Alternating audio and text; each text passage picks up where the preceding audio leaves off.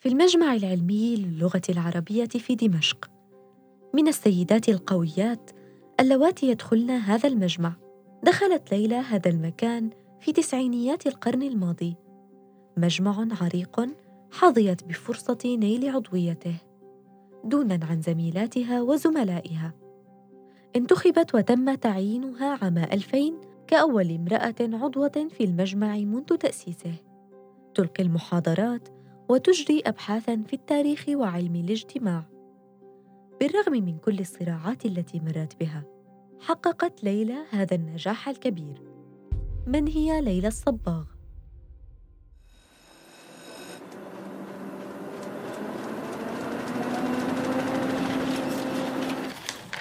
عنب بلدي بودكاست. بدرجة امتياز وفي المرتبة الأولى. نجحت ليلى بالحصول على شهادة التاريخ من جامعة القاهرة. هذه اللحظة هي حصيلة سنوات من التعب والمواجهات الصعبة. فقبل ولادتها عام 1924 بفترة قصيرة ذهب والدها في رحلة إلى الحج. لكنه لم يعد. مات هناك. وعاشت مع والدتها وإخوتها في منزل جدها الذي رعاها وتكفل بها. كان حنونا عليها لكن هذا الاستقرار لم يدم طويلا.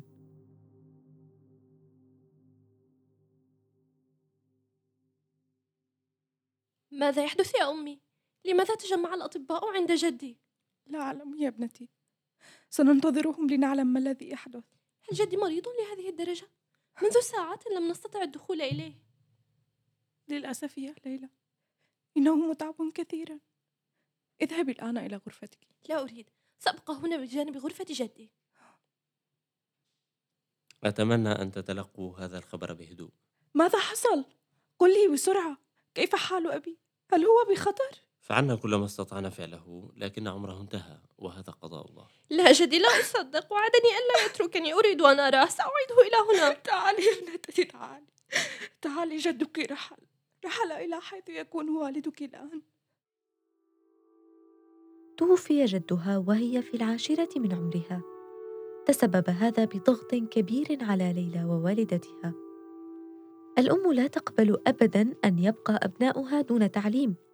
حتى ليلى عارضت العائلة هذا الأمر.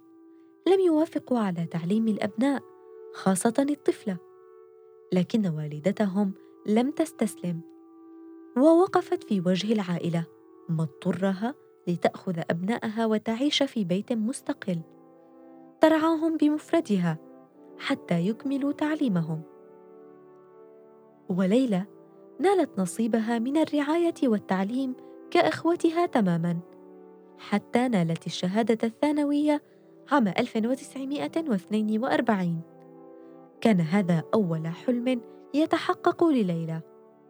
بعد الكثير من الأسى الذي عاشته يتيمة الأب ثم وفاة جدها الذي كان بمثابة والد لها طوال عشر سنوات.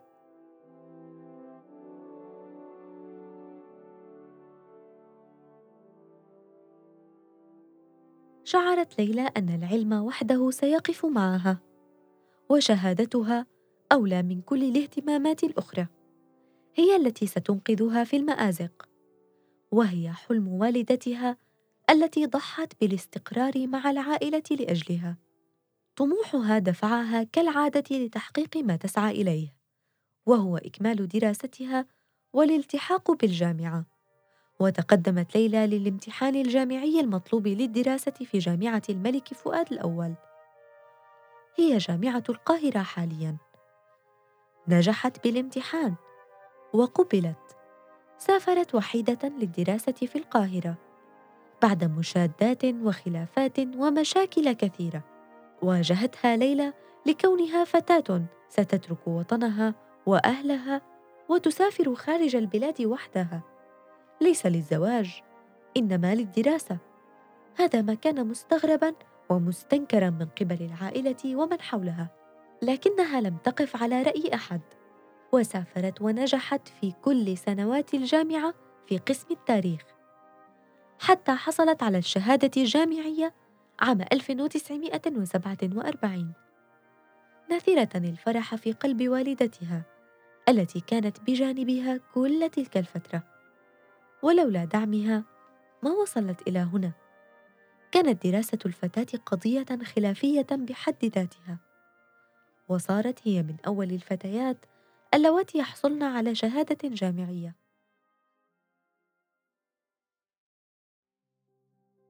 عادت إلى دمشق وبقيت هناك عقدا من الزمن. عملت ليلى خلاله بالتعليم والإدارة والتفتيش في التعليم الثانوي في دمشق. في ظل شيء من التضييق والتكبيل فمثلا الفتيات اللواتي يتخرجن من كلية الآداب في جامعة دمشق كانت تنشر أسماؤهن دون صورهن. بالرغم من أن زملاءهن الخريجين من الشباب كانت تنشر صورهم مع درجاتهم. إلى هذا الحد كانت البيئة الاجتماعية تحد وتقيد الفتيات والنساء.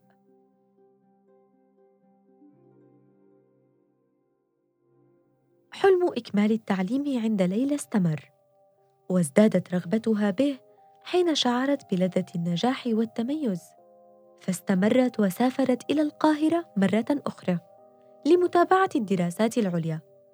نالت شهادة الماجستير عام 1961 ثم تفوقت على نفسها مجددا عندما حازت على شهادة الدكتوراه عام 1966 بفضل دراسة أجدتها كانت مميزة وتستحق التقدير حول الجاليات الأوروبية في بلاد الشام في القرنين السادس عشر والسابع عشر.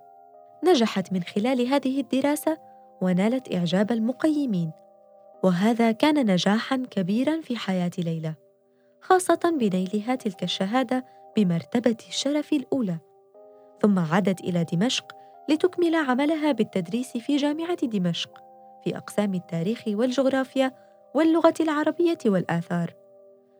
واستمرت بعملها حتى عام 1993 أي ما يقارب 12 عاماً.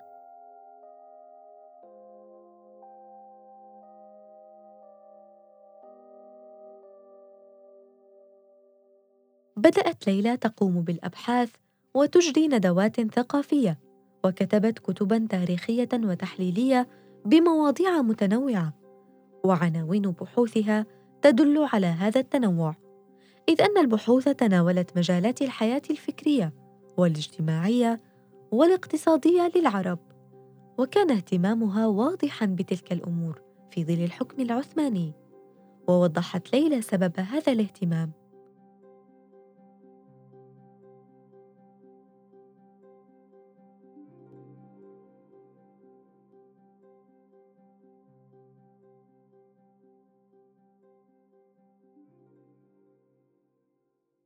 لقد وسم كثير من مؤرخي التاريخ العربي الحديث الحياة الفكرية في المجتمع العربي خلال القرون الثلاثة من الحكم العثماني بسمات التدهور والانحطاط والجمود مندفعين وراء الفكرة الشائعة بأن الحضارة العربية الإسلامية التي تأصلت جذورها وأينعت ثمارها بعد حقبة القوة السياسية العربية من حياة الخلافة العباسية قد أصابها الحكم العثماني بالوهن والذبول.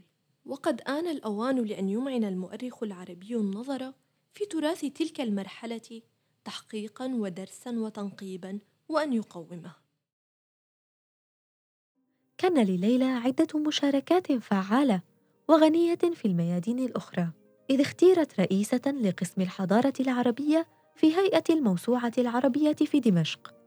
حين كان عليها أن تراجع المصادر التاريخية والمعاجم والموسوعات قبل عصر الحواسيب والإنترنت لتنتقي ما تراه مناسبا للموسوعة الجديدة. وبهذا استمرت سنوات في عملها وأنجزت خلال تلك الفترة خمسة آلاف مجلد. وتحمل عشرات المواضيع في الموسوعات العربية اليوم اسمها. خلال كل هذه الأعمال سافرت لتدريس التاريخ في الجامعة في الجزائر. لكن لم تفكر بالمردود المادي حينها. إنما كان هدفها أن تتخلص من اللغة الفرنسية التي غزت المدارس والجامعات والمؤسسات حتى. فكانت المساهمة الأكثر فاعلية في حركات التعريب للحفاظ على اللغة العربية هناك. وأسهمت أيضا في حركة التعليم في الجزائر. عام 1998 ولأول مرة في تاريخ المجمع العلمي للغة العربية في دمشق. انتخبت ليلى عضوا عاملا في المجمع وبعد انتخابها عينت لتكون أول امرأة يتم تعيينها في المجمع منذ إنشائه عام 1919 وصارت عضوا دائما فيه كما عينت عضوا في مجلس الآثار في سوريا. عام 2008 كان للمرأة نصيب من بحوث ليلى واهتماماتها ولديها بحث بعنوان المرأة في تاريخ العرب والإسلام أظهرت من خلاله دور النساء في التاريخ العربي قبل الإسلام وكان موضوعيا إلى حد كبير لأنها طرحت من خلاله الإيجابيات والسلبيات على حد سواء. ولديها العديد من المؤلفات التي تظهر اهتماما خاصا بالدراسات التي تخص المرأة في التاريخ. كالبحث الذي كان عنوانه المجمع العلمي العربي والمرأة. وتجربة ليلى قد تكون سببا للاهتمامات التي كانت لديها بخصوص تاريخ النساء وأدوارهن. عام 2013 بعد أن درست أجيالا من الباحثين تتلمذوا على يدها وقرأوا بحوثها التاريخية بعضهم الآن أساتذة وبعضهم أعلام في الدراسات التاريخية. رحلت ليلى تاركة مجموعة من النخبويين اللغويين والأدباء والعلماء في سوريا وبقي أثرها تاريخا. ليلى الصباغ المؤرخة السورية. استمعتم إلى بودكاست نساء من عنب بلدي. أعددت هذه الحلقة وقدمتها. أنا سكينة المهدي. نحن موجودون على أبل بودكاست، جوجل بودكاست وساوند كلاود